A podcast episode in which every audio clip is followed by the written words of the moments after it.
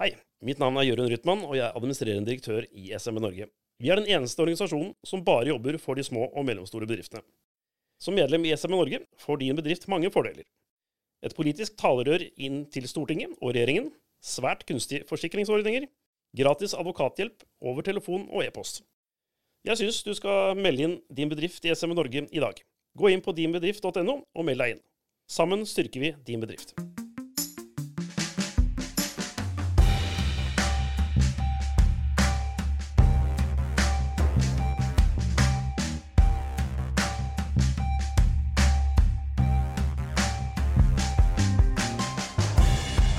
Hei og velkommen til en ny episode av SMB Norge-podkasten. Som vanlig sitter jeg, Klaus Jacobsen her. Og Kristian Eilertsen. Kristian Eilertsen, den gode, spurtende mannen. Har du fått løpt mye i det siste, Kristian?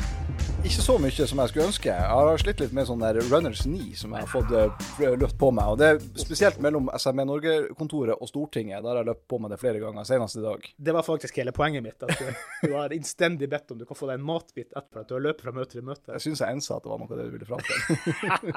ja, nei, vi må tulle litt. Det er viktig, det, da. Men eh, du som er så rik, hvor du plasserer sparepengene dine, Kristian? Helst i Sveits. Helst i Sveits, ja. jeg har fått skjønt at det der er det tryggest å plassere dem nå for tida. ja, men du har knust sparebørsa, så du, du, du på vei mot mektig kingdom og kom og alt det her, og pengene i Sveits. Du er på vei? Ja da, det er to plasser. da. Altså Utenom Sveits så er ja. det å ha det innsydd i madrassen også. Det er, det er bestemor liksom, som har lært det. Ja, det er liksom de to tryggeste plassene du kan ha det. Og i hvert fall nå etter hvert, hvis man blir litt sånn skal, altså, problemet er at dagens formue er jo ikke bare penger i madrassen, skal jeg til å si, eller Nei. den type verdier. Det er jo hvis du eier et selskap, det kan være driftsmidlene i selskapet. Mm. Alle disse tingene her. Varelagre er jo til og med også nå formue, for det går inn i på en verdsettelsen av, av et selskap. Ja. Uh, og klart at det er jo egentlig ikke Det er jo bare verdier på papiret. Det er jo ikke penger du har i banken som du kan uh, bruke på luksus og fjas og fanteri, som jeg for øvrig hører at det er forbudt å si i disse tider.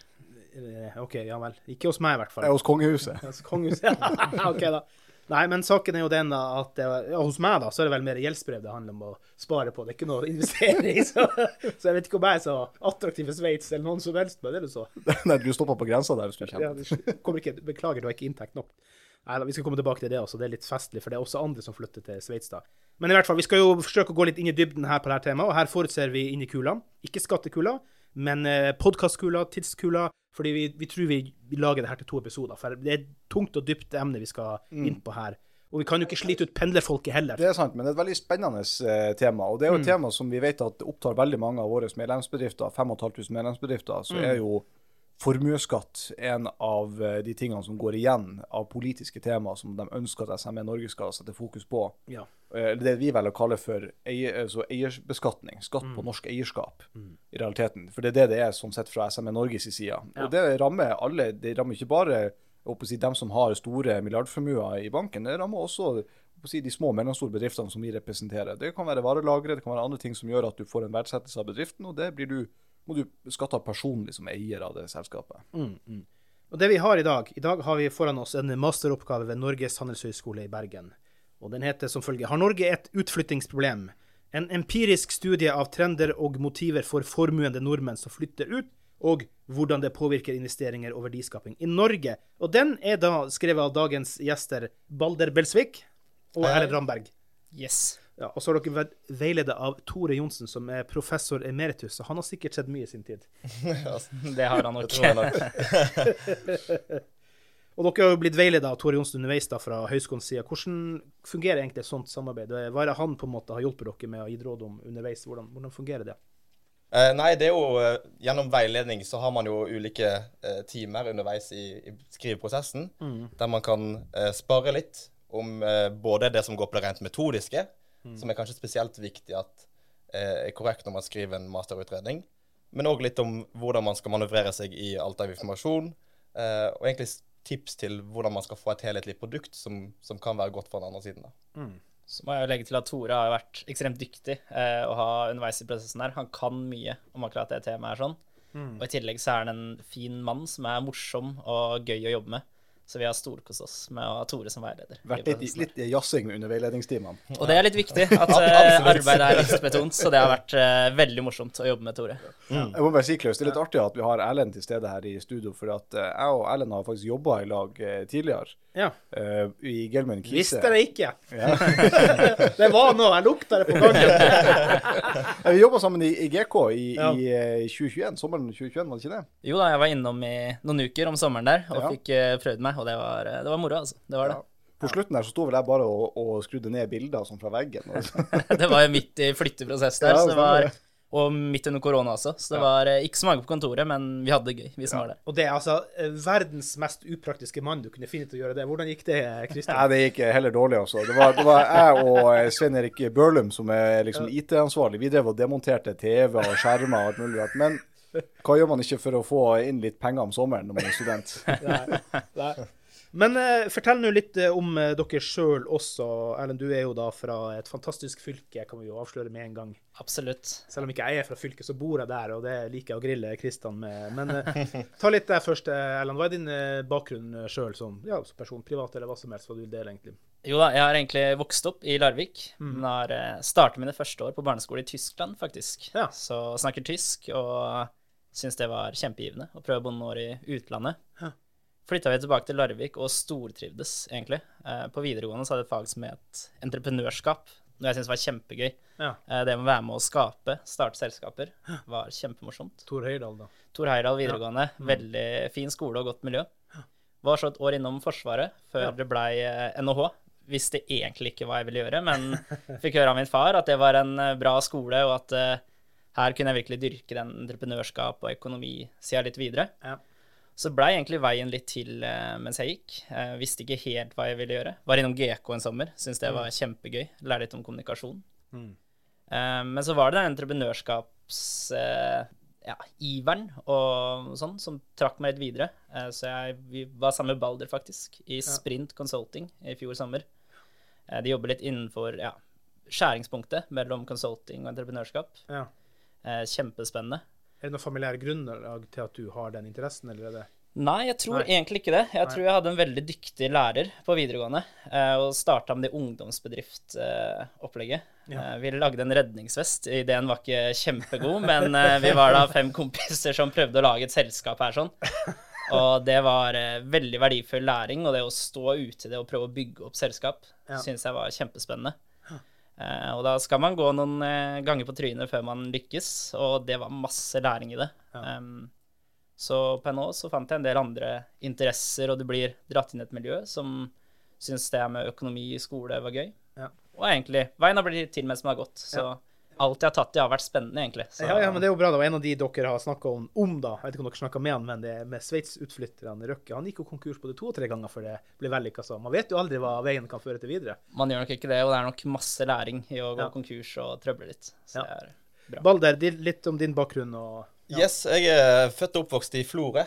Ja. En liten uh, vestlandsperle Ja. litt nord for Bergen. Mhm. Eh, så der bodde jeg fram til jeg var ferdig på ungdomsskolen. ungdomsskolen. Så flytta jeg til Oslo og tok videregående her. Ja. Så det ble jo en sånn eh, Yes. eh, stor omveltning, egentlig, fra å dra fra en by med, med 10 000 innbyggere til å plutselig være midt i hovedstaden. Ja. Var, det, var, var det som ga deg noe spirer til andre typer veier i livet, eller er det, er det bare uansett bare tilfeldighet? da?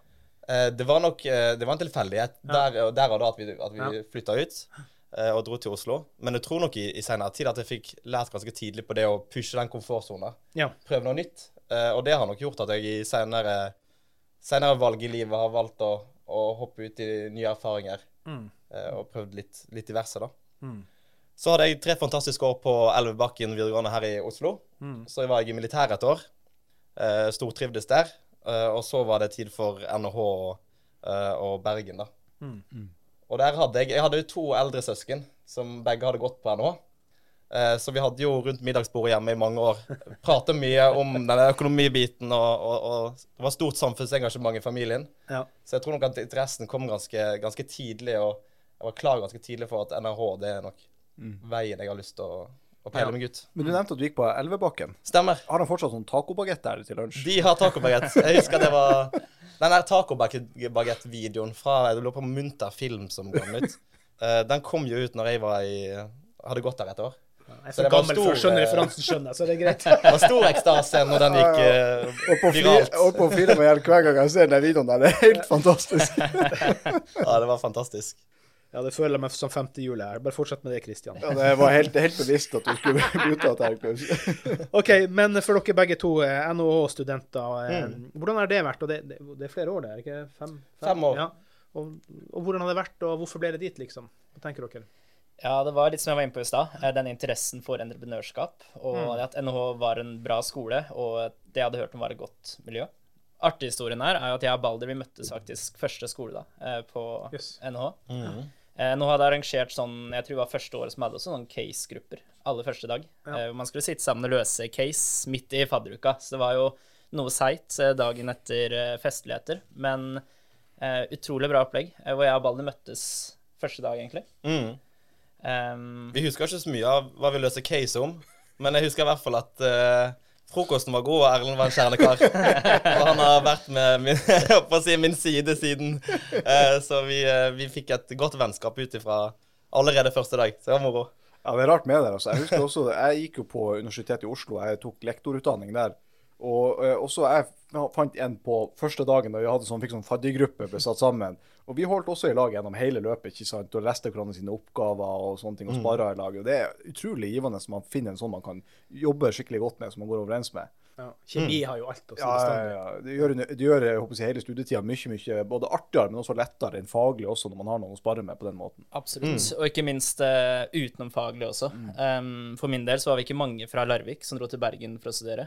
Um, vi var to stykker. Um, så det å komme til en skole hvor det er godt sosialt miljø, og det kommer folk fra hele Norge, egentlig Det er jo ganske stor andel fra Oslo og Bergen, selvfølgelig, men det kommer mange fra distriktene, sånn som oss, som er veldig villige til å bli kjent med nye folk. Mm, mm. Du, du må ikke selge det ut. Altså Florø distrikt, men Larvik.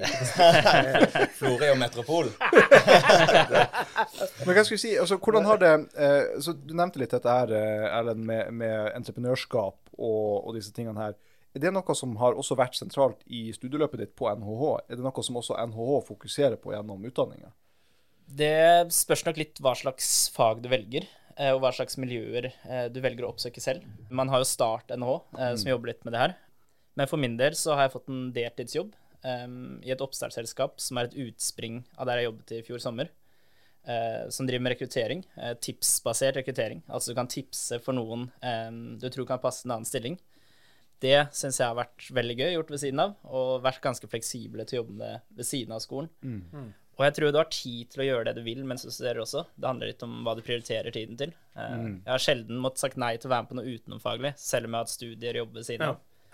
Eh, Men det å oppsøke sånne ting, så blir det egentlig akkurat til det du har lyst til å gjøre selv. Ja. Eh, Og du får nok det grunnfundamentet på NHO, og så må du oppsøke litt det du trives med, og det du syns er spennende, utenom skolen også. Men Balder, altså, jeg regner med at dere har ikke gått ned linja for å bli sykepleiere, akkurat. Så, Hva tenker dere om eh, egne roller i for, si, i forhold til næringslivet da, fremover? Hva, er, det den, er det her liksom veien dere ønsker å gå, da, eller hva? Ja, jeg, da. jeg tror nok de siste årene har bare fått mer og mer interesse for selve faget. Mm. Men samtidig, man blir jo en litt sånn potet. Man får en, eh, en grunnmur og en grunnforståelse. Og så kan vi eh, litt om veldig mye forskjellig. Ja. Og så kommer man da inn i, i næringslivet og skal bli, skal bli på en måte forma i den posisjonen vi, vi kommer til å få. da. Mm. Så jeg tror egentlig at man, utgangspunktet vårt eh, er nok på en måte klart for at nå kan man gå inn og spesialisere seg litt mer på, på, på ulike plan for der man ønsker. da. Ja. Så, så dere tenker å gjøre noe mer skoleretta, eller er det ikke ute i yrkeslivet nå? Nå skal vi begge ut i yrkeslivet, Ja. uh, og så begynner man der. Ja, Eh, spesialisere seg i yrket, var det det Ja, spesialisere seg i yrket. Ja. Mm. Så vi skal jo bli konsulenter begge to. Mm. Uh, management consulting. Um, så da tror jeg vi kommer til å komme borti veldig mye forskjellige caser og lære enda mer. Mm. Mm. Så det blir jo læring eh, de årene vi er ferdige å studere nå også. Skal dere begynne å jobbe samme plass, eller? Nå skilles våre veier. Omsider. Nå har vi bodd sammen siste måneden og jobbet med den oppgaven her, så nå tror jeg det blir godt med en sommerferie og kanskje besøke hverandre litt utenom arbeidstid, eh, og ikke bare det tror jeg er positivt. Hvor du skal begynne å jobbe da, Erlend? Eh, Jeg skal tilbake til sprint, der jeg var nå, Ja, eh, så jeg stortrives med det. Så det? Så da blir det fulltid med det. Det blir det. Ja, og, og du, Baller, du blir skal- rådmann i Florø.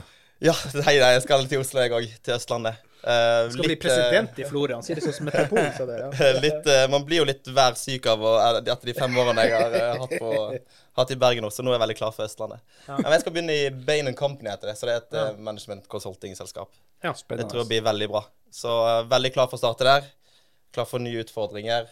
Bli kjent med flere folk. Ny by. Det blir, eh, blir en god start der. Du, du Klaus, når, når jeg hører han Balle si det, sånn, blir litt sånn værsjuk etter å ha vært i Bergen i noen år. Ikke prøv dem på Finnmarks... Nei, jeg skulle, jeg skulle til å si også, jeg vet ikke hva han snakker om. Jeg har ikke vært nord for Sitsenkrysset.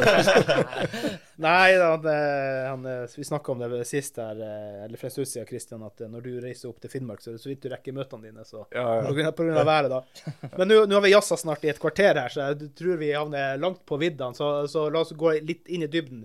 Masteroppgaven, hvorfor valgte dere å skrive den her? Hva, hva kommer det av at dere ville ta det steget her og skrive om det? Jo, jeg tror det var uh, Vi fikk jo den interessen her ganske Eller interessen for rundt den, den tematikken som gikk på, på utflytting av uh, formuen nordmenn. Den så vi vel allerede i august i fjor. Da begynte vi å diskutere litt om ja, det kunne vært interessant å skrive om. Eh, og jeg tror det er en, en sammensatt interesse her. På, på ene siden så så man jo mediebildet. Ja. Folk flytter jo som bare det. Og, og vi ønsker på en måte å undersøke hva som ligger bak denne utflyttingen. Eh, og samtidig så er vi jo samfunnsengasjerte. Ja. Eh, når man ser at mye kompetansefolk flytter ut, mye kapital flytter ut, mm. brain drain-konseptet kommer fram i media, eh, så er man interessert i å forstå alvorlighetsgraden av det. Brain drain, det er jo kompetanse. Da er det kompetansetapet, da. Mm. ja, så vi var interessert i å forstå eh, alvorlighetsgraden av det, men kanskje òg det å eh, forstå motivene og, og, og utfa utfanget på en måte av det. da. Ja, for det var litt å bekrefte det. Mediene skrev også mye forskjellig. Eh, så vi Ja. ville egentlig inn og være de første som slo ordentlig fast hva er de faktiske motivene. Eh, snakke med så mange som mulig og få vite, eller få det svart på hvitt. Hvorfor flytter de egentlig? Hvordan tror man trenden vil utvikle, utvikle seg? Og hva vil skje med investeringen deres? Eh, så det å være de første som kunne kartlegge noe sånt, som ble diskutert så mye, og fortsatt blir diskutert så utrolig mye i media, det har vært spennende så hadde ikke vi forestilt oss, når vi begynte å tenke på det her i august i fjor, at det mediebildet skal ta seg ytterligere opp, og at det blir skrevet artikler ja, kanskje hver eneste dag når vi sitter og jobber med det her. Ja. Det gir jo ekstra motivasjon, og eh, oppgaven gikk fra å skrive masteroppgave på NHO og håpe på å få en god karakter, til at vi virkelig syntes det her var skikkelig interessant, og ville finne ut hva ligger bak der, egentlig. Ja. Jeg må si Det er jo en sjelden aktuell eh, masteroppgave. også. Det er jo nesten som man ikke kunne ha bedt om en bedre timing med tanke på når dere da på en måte har ferdigstilt prosjektet og levert det, med tanke på hvordan eh, eh, debatten er rundt problemstillinga. sånn sett. Ja, eller, eller narrativet, vil jeg Ja, si. Det har vi det også også. vært. Narrativet. For det er ikke alltid at fakta nødvendigvis er bestandig det som blir det narrativet som kommer ut, da. For å si det sånn, da. Og vi var veldig spent egentlig fra vi begynte, fra ideen kom opp og vi Mm. Eh, prata med Tor Johnsen om det, om, om tematikken. Mm. Så var vi veldig spent på om er det noen som kommer til å, til å gå inn og se på det her, Ja. før vi får tid til å skrive denne oppgaven her. For da skulle du ikke begynne å skrive før semesteret etterpå. Vi så jo debatten på NRK også. Det var, mm. har vært to debatter om temaet det Ja, halvåret her. nå treffer dere jo han ene i kveld, han um, Flakk. Jakten Knut Flakk. Ja. Og da tenkte vi jo sånn etter. Ja. Ja, stemmer. Eh, Da tenkte vi jo sånn etter første debatt at nå har de tatt livet av saken, nå blir det lagt død, nå har de funnet ut av det. Så kommer det opp enda en gang, og da tenker vi Da var vår veileder Tore Johnsen der også, for så vidt. Tenker vi at nå blir den lagt død. Nå er saken Nå har de diskutert seg ferdig om det. Eh, Men det fortsetter å være hyperaktuelt. Eh, Og det viste seg at mye av det som ble tatt opp i debatten og i media, det var jo uh, mye basert på antakelser og, eh, og litt en debatt som gikk rundt på en måte synsing. Så det å kunne komme og bidra med noe litt mer håndfast eh, fra, fra et såpass stort mangfold av respondenter da, og såpass stort grunnlag, det syns jo vi var veldig spennende. Men altså, eh, jeg tenker narrativet som han Klaus er inne på og spør om. Eh, Syns dere at det har måtte, skjedd en endring litt i samfunnsdebatten fra måte, at du har på ene sida en debatt om eh, at nå skal man ta de rike, og rike kan skatte mer osv., til at man nå kanskje mer diskuterer de negative konsekvensene det har for norsk eierskap. Derfor syns jeg har sett en sånn utvikling i løpet av det siste året, egentlig, bare på hvordan narrativet er rundt den problemstillinga. Ja, og jeg håper jo det er noe oppgaven vår kan bidra med også. Eh, Det at det blir en sunn og god debatt rundt det her, hvor faktaene legges på bordet. Mm. Det sier vi også i oppgaven vår, at vi håper at eh, det kan bidra med en konstruktiv eh, samfunnsdebatt rundt det her. Eh, fordi å få fram enda mer polarisering eh, mellom partene eh, er kanskje ikke veien å gå. mm. men det her å ha en god og sunn debatt Mm. er det vi håper å bidra med. Jeg, jeg, jeg, han ringte meg jo klokka 11 i går kveld, så jeg har lest gjennom hele rapporten. jeg har faktisk lest hele rapporten, men ja, han ringte meg litt før da. jeg Skal innrømme det. Men perioden som det gjelder, som dere har eh, studert, det er jo da årene 2011 til eh, 2022, altså for- han- så de som har flytta ut. da. Dere har fått med dere 188 respondenter og i tillegg 20 dybdeintervjuer. Altså, her er jo virkelig folk med, med skoene på. å. Um, men har dere noe tall eller har dere satt dere inn i tallet på skattebidraget det her gjelder, eller er det, kan man si det, eller blir det for komplisert med Altså, skatt kan være komplisert? Ja, tenker du på hvor mye Altså, hvor de bidrar med skatt? Yes, så, Ja, hvor mye vi- taper vi på det, da, for si det Ja, sånn? for vi eh, hørte jo med av de 20 eh, respondentene våre, av Mm. de formuende personene som flytta ut av Norge, som bor i utlandet nå, eh, så har de oppgitt selv da, at de har en samla total årlig skattebesparelse Mm. i et normalår på eh, over 1,5 milliard. Mm. Eh, som følge av, eh, av utflyttingen, da. Mm. Mm. Så det er jo store, store tall. Ja, det er jo store tall, og så er det jo det at det har jo ringvirkninger videre igjen, da. Og så var det det med narrativet, som jeg vil si, som vi har vært inne på. Her er et sitat fra, fra masteroppgaven deres. da. Formuende nordmenn opplever i tillegg å gå fra å være et aktivum til en gjeldspost i eget selskap, og den rasjonelle økonomiske beslutningen vil dermed være at norsk majoritetseier flytter ut. Og det her er noe som vi har snakket om flere ganger som et viktig poeng, og som også Jørund har snakka mye om, som media ikke og her, Det er poenget mitt i narrativet, som media ikke fanger. Disse bedriftene sparer på utflyttinger. Men alle snakker bare om ryk og reise, og la dem reise, og ditt og datt. Også på politiske hold. Det, det, det, det, det, går jo, det går jo flere veier her hvordan man skal tolke det, men mediene har ikke klart å se den retninga. Men så har jeg skrevet dere en ting til, som er skummel balanse, da, selvfølgelig. Når de flytter ut, og i sånn sett da hjelper bedriften, ikke skatteinnbetaling i Norge, så når, eh, og igjen sitat, våre funn viser at utflyttere gradvis investerer mindre i norske virksomheter. Før utflytting hadde 75 en overvekt av norske investeringer, mens etter utflytting hadde bare 50 en overvekt av norske investeringer. Og det her er også veldig kritisk, sant, fordi at jo lenger du har bodd et sted, så vil du til slutt begynne å investere der. Og da taper du litt kan si, connection to home til slutt. da. Så det er jo en, det er en knivseggbalanse der, egentlig. Mm, mm, mm, absolutt. Det er jo på en måte to ting du trekker fram her. Mm. Eh, Det første er sitatet om å gå fra å være et aktivum til et gjeldspost i eget selskap. Mm. Um, som økonomer på NHH så blir vi jo lært opp til å ta rasjonelle beslutninger. Ja. Eh, veloverveide, gode beslutninger. Mm. Det som ligger bak det sitatet, er jo egentlig Hvis du skal ta det rasjonelle, eller ta den rasjonelle beslutningen for selskapet ditt, Mm. så vil du skape mer verdier i selskapet ved å flytte ut, når det blir en så stor eh, post, eh, gjeldspost for selskapet. Ja. Mm. Um, så var det også inne på nummer to der. Det var um, Ja, med investere- 70-50% Det er jo egentlig ganske kritiske, kritiske funn. Det er Ja. 25 prosentpoeng. Mm. Og når vi har prata med og, og hatt intervjuer med disse respondentene, Ja. og på en måte kartlagt litt i spørreundersøkelsen, så sier jo det at når man flytter ut og blir en, å bosette seg i et annet land, Mm. så litt av den tankegangen den er out of sight, out of mind. Man ønsker nærhet til investeringene sine, og flytter man fra et land til et annet, så blir òg interessene dine òg flytta. Ja. Og du blir en del av en ny næringsklynge, eh, og kan høste frukter av det nye miljøet du er i da. Det er relasjoner, det er jo kontakter, Mm. det er jo nettverk, og det er jo å se f.eks. dine ansatte i øynene. Det er ikke så lett å gjøre det fra Zoom. Kroppsspråk forsvinner jo på Zoom. Mm. Sant? Men Bare sånn, sånn, sånn faglig spørsmål. Hvordan kom dere i kontakt med eh, respondentene deres? Eh, og var, var det lett å komme i kontakt med respondenter? Det tok eh, tid, og det var en eh, jobb. Em, det første vi gjorde, var at vi så hvem er personene i disse kategoriene. Em, tok utgangspunkt i de aller mest formuende. Og så var det å begynne med desktop research, rett og slett. Um, når vi fikk kontakt med noen, spørre om videre kontaktinformasjon til andre. Så det var rett og slett en ganske stor jobb å komme i kontakt med alle. Um, og det gikk via nettverk. Ja, så Og det skal jo sies at det er jo oppgaven og utvalget begrenses jo av tilgang på e-postadresser. Det er jo Ja. De eh, kaster det man, mørke kan jo, ut. man, kan jo, eh, man kan jo finne navn og sånn på ulike lister, som Kapital sin Mm. eh, topp 400-liste. Men å finne e-postadressen der, det, det er en annen sak.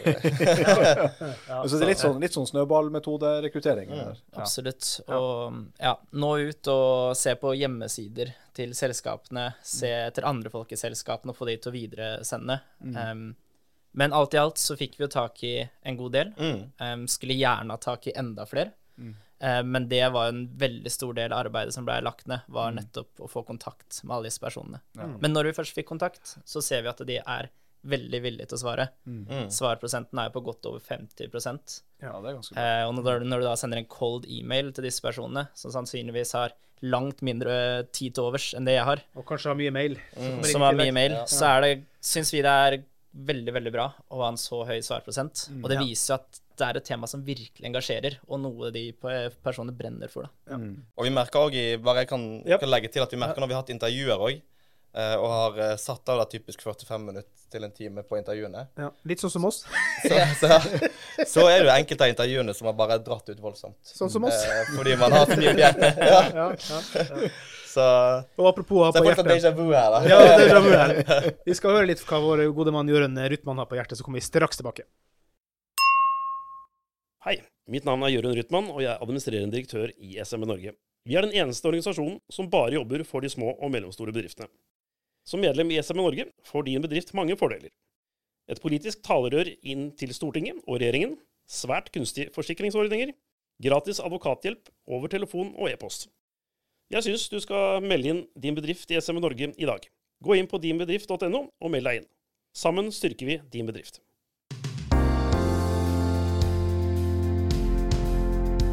Ja, Kristian, vi håper våre gode lyttere gjør som eh, Jørund Rytman sier der. Bli med i det herlige nettverket i SMB Norge, for det er så ufattelig mange gode fordeler ved å være her hos oss. Absolutt, absolutt. Og ikke minst at vi er et sterkt politisk talerør for alle som driver en liten eller mellomstor bedrift. Ja. Det er det som er vår misjon og visjon. Men Nå trodde jeg, Apropos misjon og visjon, du skulle snakke om vår Hare Krishna-menighet og bevegelse, for det er ikke det vi er da, men vi er en femstjerners. Det er helt rett. Bevegelse. Femstjernersbevegelsen. Og det vil si at uh, våre lyttere må gjøre hva for noe? Gi oss femstjerners rating på Spotify, også Balder og Erlend må gjøre det. Og og, det? Podcast, og skriv en liten omtale, for det er fullt mulig, det. Skriv altså. gjerne en fin omtale, og vi aksepterer ikke noe mindre enn fem stjerner. Nei, sånn er det. Sånn er det. Men, men eh, Erlend og Balder, eh, da dere har nå eh, gjennomført disse intervjuene og snakka med eh, respondentene deres, er det noen, liksom, noen, noen enkelthistorier som på en måte peker seg ut, som kunne vært interessante å, å dele med, med lytterne? Ja, jeg kan jo begynne med ett, eksempel. Um, da fikk vi faktisk møtt respondenten um, ansikt til ansikt, fysisk, Ja. noe som var veldig gøy, og hadde egentlig planlagt å ha en kort, kort samtale, eh, men det dro seg ut, og vi fikk høre en del spennende teorier eh, som respondenten hadde, um, og hva den tenkte om problemstillingen. For det er derfor jeg har intervjuene i utgangspunktet, er for å skjønne hva ligger egentlig bak tallene i den spørreundersøkelsen. Ja. Da trakk han fram kirkespirprinsippet, som egentlig er en teori om at særlig lokalbanker vil låne ut penger dit de kan se fra toppen av kirkespiret. Eh, det vil si du skal kjenne der hvor du investerer. Um, du skal kjenne den lokale forretningen på hjørnet, hvordan virksomheten drives. Eh, og det var egentlig en ganske spennende teori, som vi kan linke til det vi ser også. Mm. for når du bor eh, i utlandet, så vil du også ha mer kontroll over investeringen du har i utlandet. Eh, ha mer nærhet til investeringene, rett og slett. Og at det prinsippet eh, er noe de som har flyttet ut, kanskje lever og investerer etter, eh, kan være med å forklare de funnene vi har. Og det syns vi var en ganske spennende, spennende teori og spennende funn. Mm. Det går på akkurat det her med nærhet til investeringer. Ja. Uh, og det ble også tatt opp det her med Sandhill Road- Road-fenomenet. Jeg vet ikke om dere kjenner til det, Nei. men det er oppkalt etter en av de kjente gatene i Silicon Valley. Han, han, det er fordi jeg skal ta den for deg, for nå skal jeg vise at jeg har lest. ja, Kristian fram. har ikke lest. Det vil jo si at investorene er på én side av gata, og produsentene er på andre side av gata, rett og slett. Så de er så nær at de vet hvor de bruker pengene. rett og slett, Mm. sant? Så det er jo en næringsklynge. Yes. Og man kan høste så mye frukt av å være en Ja. del av det miljøet. Og tett på. Mm. Ja. Mm. veldig fint at det ble forklart både for meg, men også for lytterne våre. for å si det sånn.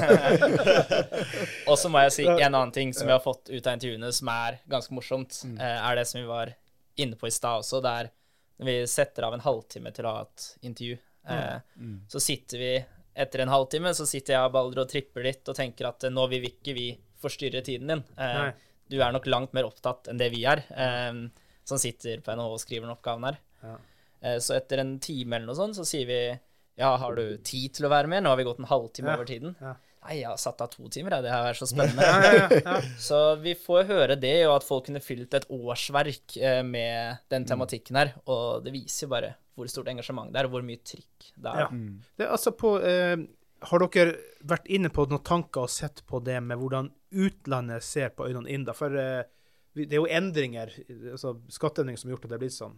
Har dere studert det og sett noe mer eh, i forhold til Har det påvirka noe på andre sida av det- landegrensene i forhold til investeringer inn eller ut eller osv.? Er, det- er det relevant her? Det er eh, relevant. Um, vi vet jo at uh, internasjonale investorer um, i, eh, har blitt diskutert, og respondenter har trukket fram, at de konkurrerer på andre rammevilkår uh, enn de norske i Norge. Fordi norske eiere blir uh, straffa uh, i gåsehudene med eierbeskatning. Da. Eh, så det at eh, investeringsobjekter som ikke er lønnsomme for en norsk eier, kan være det for internasjonale eiere. Og det, kom jo, det er jo et av de Når vi har prøvd å kartlegge motiver for utflytting, så er jo nettopp det her med eierbeskatning det alle de For vi har jo, det er jo tre ulike grupper eh, vi har intervjua og hatt spørrende sykler på. Det er jo formuende bosatt i Norge, formuende eh, nordmenn bosatt i utlandet, og skatteadvokater slash finansrådgivere. Ja, som jobber med disse? Ja.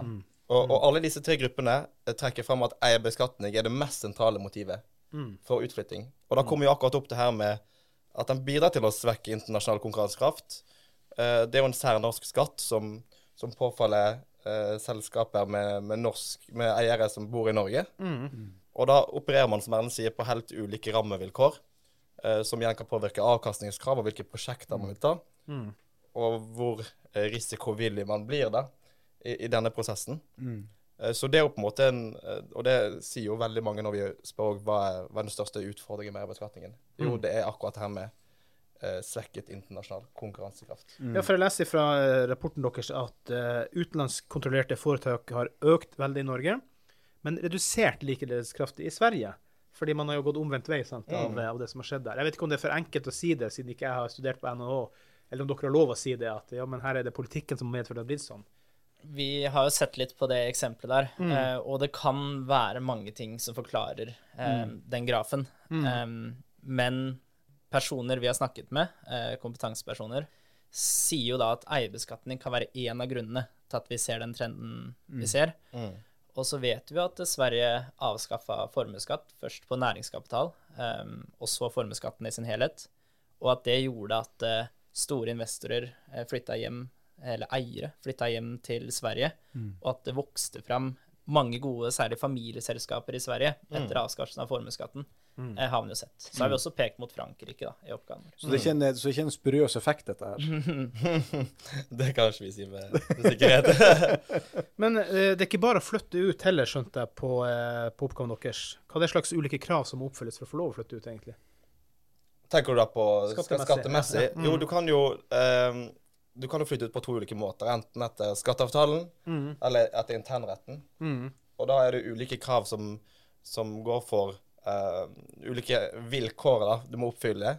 Hvor hvis du flytter ut etter internretten, så er det strengere vilkår til uh, om du kan ha bolig eller ikke i Norge. Disponere bolig. Om du eh, Hvor mange dager du kan være Yes. i Norge. For det Ja, handler om enten på tre år eller på ett år. ja, neste, så, ja. så det er jo eh, Hvis du flytter til internretten, så er det jo 61 lurer på om, om det var 61 dager i Norge i løpet av et år Mm. i disse tre årene. Uh, mens hvis du flytter ut etter eh, skatteavtalen, så er det 182-183, mener jeg, rundt der. Mm.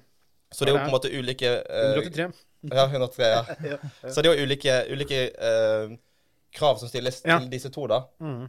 Men vi ser jo at vi har jo den eh, Det er jo en treårs, den treårsregelen som gjør at du må, hvis du flytter til internretten, så får du mulighet til å eh, Så må du oppfølge disse kravene, strenge kravene, i tre år. Og deretter er du på en måte skattemessig flytta ut av Norge, juridisk. Mm. Uh, men flytter du til Sveits, da, som har formuesskatt, så vil, du, lavere, så vil du slippe for, å betale formuesskatten til Norge allerede etter dag én med utflytting. da. Mm. Det er jo det som gjør Sveits til et særlig gunstig skattemessig land å flytte til, da. Mm. Jo, hvorfor skiller Sveits seg ut i forhold til de andre eh, landene som eksisterer? For, for det har jo dere fanget opp. Det var jo noen i England, Mm. noen i eh, Italia. Italia ja, litt flere andre land, ja. Mm. Kan være flere grunner til at Sveits Kypros, ja. er eh, aktuelt, eh, og at mange velger å flytte. Det første er som Balle sier, at du slipper å betjene formuesskatten etter dag én. Mm. Det andre er at man ser at folk har flytta tidligere eh, og hatt en vellykket etablering i Sveits. Ja. Mm. Kanskje er de som hjelper dem med å flytte ut, eh, mer vant til å flytte folk til Sveits. De har kjennskap til det og hvordan lovverket fungerer. Eh, men også det at det begynner å bli en næringsklynge i Sveits av nordmenn.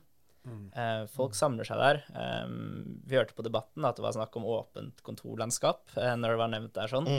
Eh, kanskje spøkefullt, kanskje de mente det, men eh, det viser jo at folk har flytta dit. Eh, det fungerer, og mm, det danner seg en næringsklynge, da, rett og slett.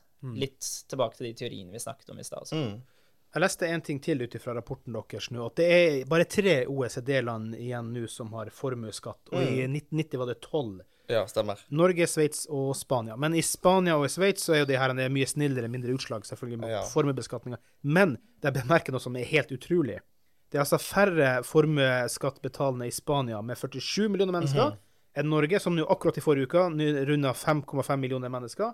23 000 i Spania mot 600 000 i Norge. Det er, altså, det er, jo, det er jo nesten for utrolig til å være sant, hvis jeg har lov å si det. De trenger ikke å si det, men Kristian har lov å si det. Ja, men der er vi helt enige, Klaus. Ja. Det, det er, Men det er spesielle tall. Det kommer jo annet av at eh, Spania de eh, har fradrag fra næringsformue. De betaler ikke formuesskatt Nei. på nærings, eh, kategorier. næringskapital. Beklager. er det det du kan si? Arbeidende kapital? Ja, Ja, det er det noen Ja. kaller det. Godt forbilde, med andre ord. Mm. Ja, sånn, I hvert fall sett fra med SMB Norges øyne, så må Ja, det være et veldig, ja, veldig godt uh, Mm. forbilde. Mm. Men jeg tenkte at uh, um, for å komme litt inn på disse her motivasjonene for å, å Mm. flytte ut av Norge, så har vel dere identifisert kanskje fire hovedmotivasjoner eller begrunnelser til at, at man velger å ta utflytting fra Mm. Norge.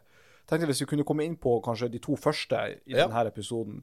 Uh, Badler, hva er den første eller, ja, Det er den mest sentrale. Ja, mest Ja, men vi må jo koble både motivasjon og funn her. Ja, ja. Ja. Ja. Nei, det, altså det mest sentrale som jeg var kjapt inn på i stad, det var jo det med eierbeskatningen. Mm. Uh, og her kommer det fram at den, uh, den bidrar til å svekke internasjonal konkurransekraft. Den tapper selskapet for uh, kapital, noe som gjør at det blir vanskelig med verdiskapning, innovasjon, økt sysselsetting osv. Og, og så må jo den betjenes uavhengig av likviditet og resultat. Mm.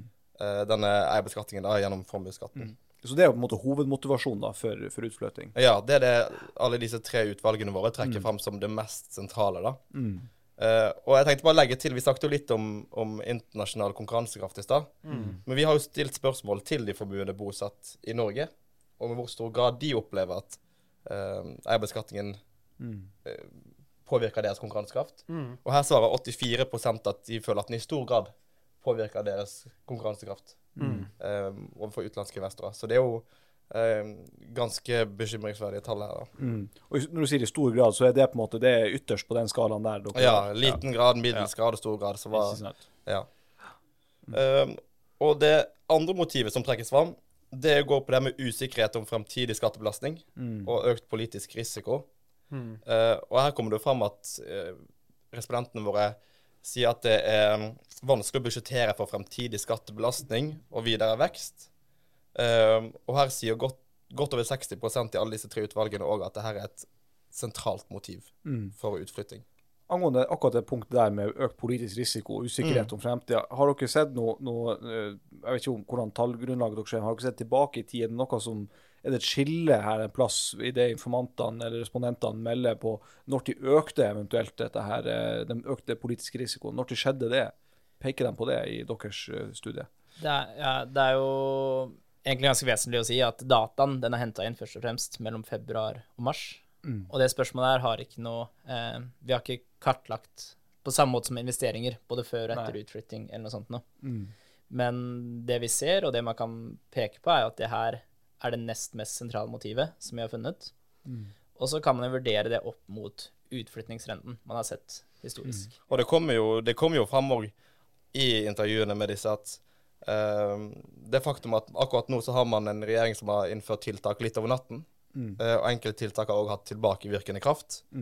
Uh, og det er noe respondentene legger vekt på, og sier at det kan bidra til å insentivere utflytting. da. Ja, og da tenker vi for lytterne sin del, da snakker vi f.eks. om, om eh, grunnrentebeskatning på havbruk. Eh, og så var det også eh, noe som kom i forbindelse med statsbudsjettet i høst, da, som gjaldt fra fremleggelsen allerede fra statsbudsjettet. Var, var ikke det det som gikk på utflytting, det også? Eh, det var et av med formue... Jo, du har jo hatt eh, forslag om den monsterskatten som har vært nevnt eh, tidligere.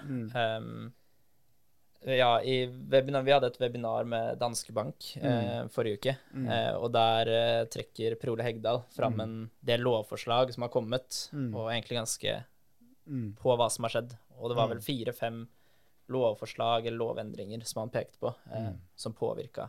Jeg synes det er veldig interessant at det er et så sentralt eh, funn i deres oppgave. For at det er også noe av det vi får tilbakemelding om fra våre medlemsbedrifter egentlig hele tida. Det at, eh, at eh, måtte, arbeidsvilkår nummer én for næringslivet, eller premiss nummer én for næringslivet, det er eh, forutsigbarhet. Hvis du vet hva du har å forholde deg til, da kan du gjøre fornuftige risikovurderinger, og du kan gjøre vurderinger på hvor du vil investere pengene dine. Men hvis du er usikker på hva som vil skje, nesten fra måned til måned, eh, eller fra stortingsmøte til stortingsmøte, eh, så vil du da også holde igjen investeringer. Og Nå ser vi jo også det eh, at eh, enkelte, i hvert fall en, en del ting som har vært behandla i Stortinget den siste tida, har jo blitt både annonsert og forhandla om i åpningstida til børsen også.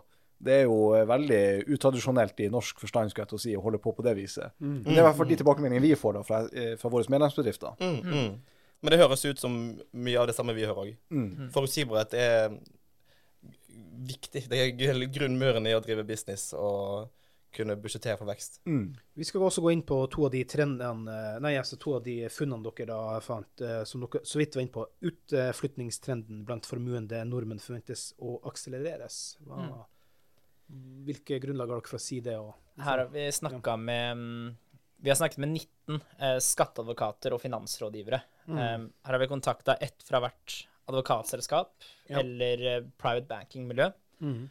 og hørt med de eh, basert på hvor mange forespørsler de har fått, eh, Mm. basert på deres antakelser og hvordan de har av henvendelser, hvor mange tror de vil flytte ut i tiden som kommer. Mm. Og der sier 63% at utflyttingstrenden den vil øke, altså akselerere. At enda flere vil flytte ut i tiden som kommer. Mm. Mm. Så kom inn på, Jeg har noen tall, det tar vi sannsynligvis til, til neste episode. Men Mm. også til funn, da. Trenden for utflytting øker blant uh, yngre og mindre formuende. Gjerne gå inn på det med Vi har jo blant annet, det er derfor jeg nevnte til å begynne med, nevnt før at til og med uføre har jo nå begynt å flytte til Sveits fordi at det blir for dyrt å bo for dem her, for de har så lite å klare seg på. Det er litt spesiell vri igjen av det her. da. Ja. Men det her går vel på gründervirksomhet og det at du skal være i en oppbyggingsfase og du nesten ikke tar ut lønn, så må du begynne å betale formue. sant? For jeg tror det man også må huske, er at Sveits er ikke noe billig land å bo i. Eh, helsekostnader er større, og du har ikke eh, de samme ordningene som vi har i Norge. Norge er jo et godt land. Eh, Men det vi mener med gründere og eiere av vekstselskaper, det er at folk eh, Man ser nå en trend til at folk flytter ut før ligningsverdiene er så høye at du blir belasta med veldig stor formuesskatt. Eh, Det vil si at hvis du eier et selskap som forventes å vokse og få langt høyere ligningsverdier i årene som kommer, så kan flere og flere velge å flytte ut før de verdiene er oppnådd, og de betaler formuesskatt. Så kanskje folk flytter med, med ideene Mm. før de har eh, egentlig starta med prosessen. Eller før det er blitt suksess, liksom. Ja. Mm, mm, ja. Men apropos det med, med Sveits, da, så er det jo Sveits rater jo som oftest nummer én på det meste. Og det er jo faktisk helsedekning i Sveits, og det er bare det at folk tror at det bare er forsikringsdekning der, da. Realiteten er at det er forsikringsdekning på, på helse, men myndighetene tar all kostnad for de svakerestilte. De som er på et visst nivå av. Så, så det, og det er kanskje derfor en, en ufør vil velge å dra dit likevel. Da, Ja. sant? Eh, Ikke vet jeg, da, men ved at du sparer noen kroner da, eller jeg vet ikke. Men, men det er nå en, en utvikling, det også. Og kanskje ikke Sveits, da, men, men andre land. For det er jo noe som skjer da med inflasjon, og norske kroner konkurrerer med somaliske skilling om dagen. Så det, Ja, altså det er jo også et signal fra, fra investorer, egentlig tilliter til på en måte Norges, eh, den norske økonomien. da. Når du ser at, eh, at den norske krona i dag mot, eh, mot euroen var 12 kroner for én euro. Mm. Det jeg kan ikke huske at det har vært et så høyt tall før. og Det er jo også et signal på, måte, på tilliten til den norske krona som valuta. Ja. Mm. Uh, og det, det er jo noe som burde bekymre norske politikere. uh, og spesielt uh, Ja, det, det tror jeg Uten tvil. Vi, vi går snart inn for landing på denne episoden, vi, så vi har noe å prate om i neste episode også, da.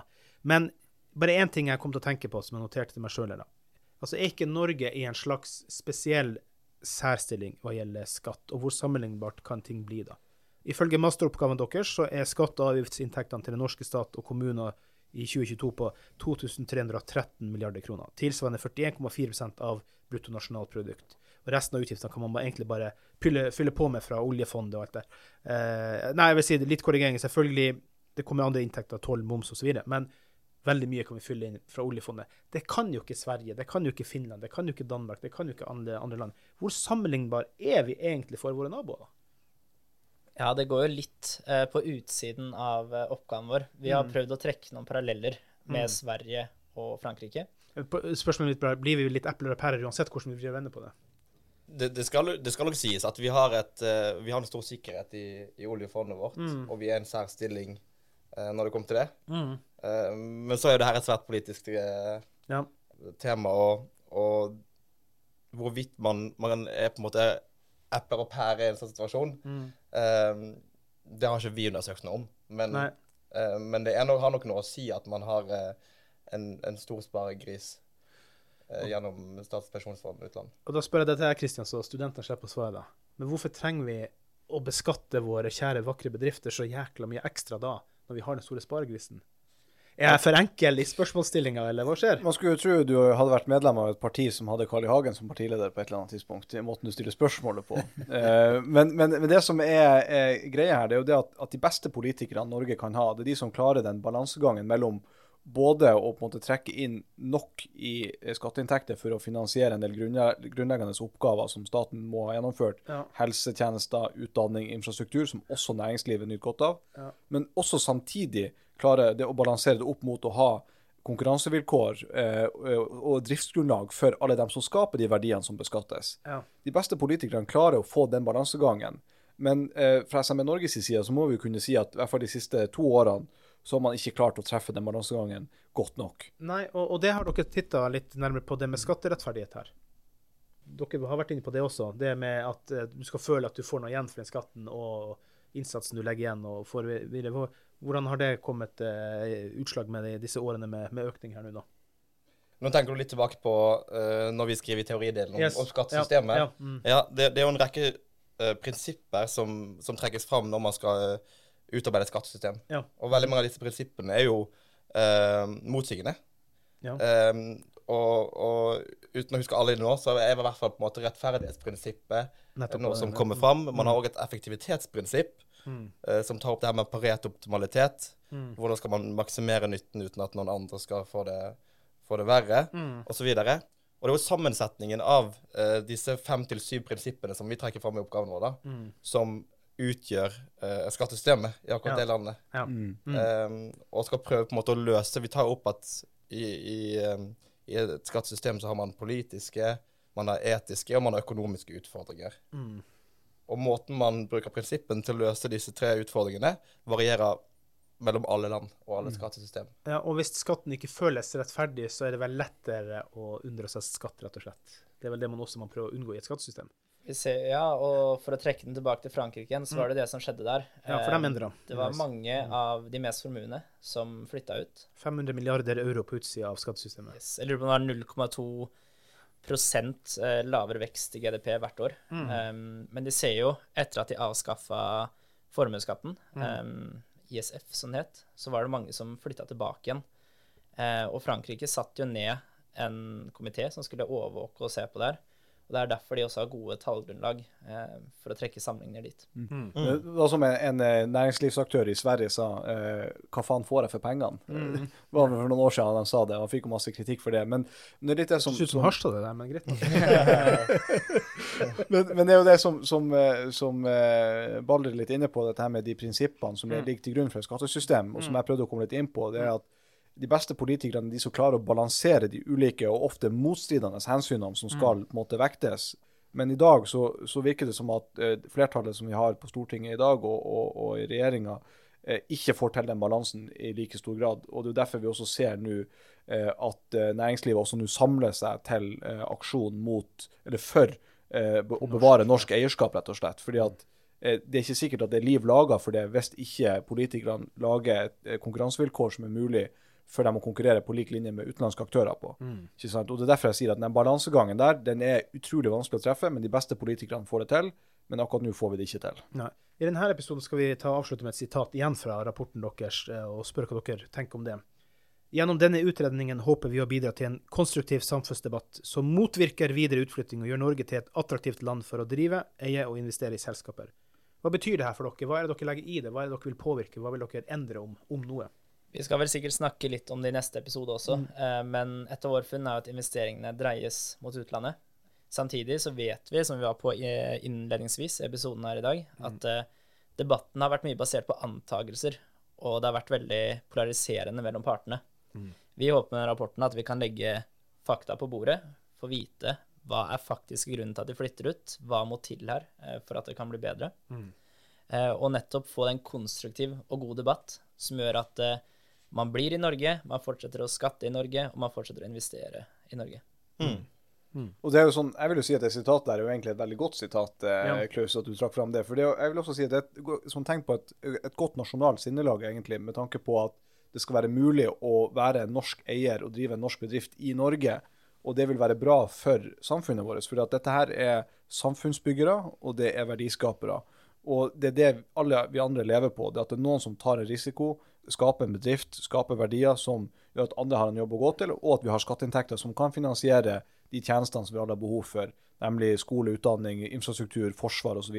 Uten disse samfunnsbyggerne, uten disse verdiskaperne, så skjer det ingenting i Norge. Nei. Og det disse verdiskaperne må gjøre, de må inn og gi oss en femstjerners rating på Apple Podcast og Spotify. Og selvfølgelig melde dere inn i SME Norge Ja. på dinbedrift.no. Ja, og der kan du også få en oversikt over de fantastiske medlemsfordelene du får her. Bortsett fra meg og Kristian i studio her, som du også selvfølgelig får på kjøpet, så får du gjerne ofte flott, fin politisk påvirkning, som du kanskje skal gjøre et forsøk på i kveld. Absolutt. Og ikke minst, eh, nå har vi fått mange gode teasere til neste episode fra, fra både Erlend og Balder her nå, så bare se fram til eh, fortsettelsen i neste episode. Ja. Tusen takk, eh, Erlend og Balder. Vi høres jo igjen snart. Det gjør vi. Det gjør vi.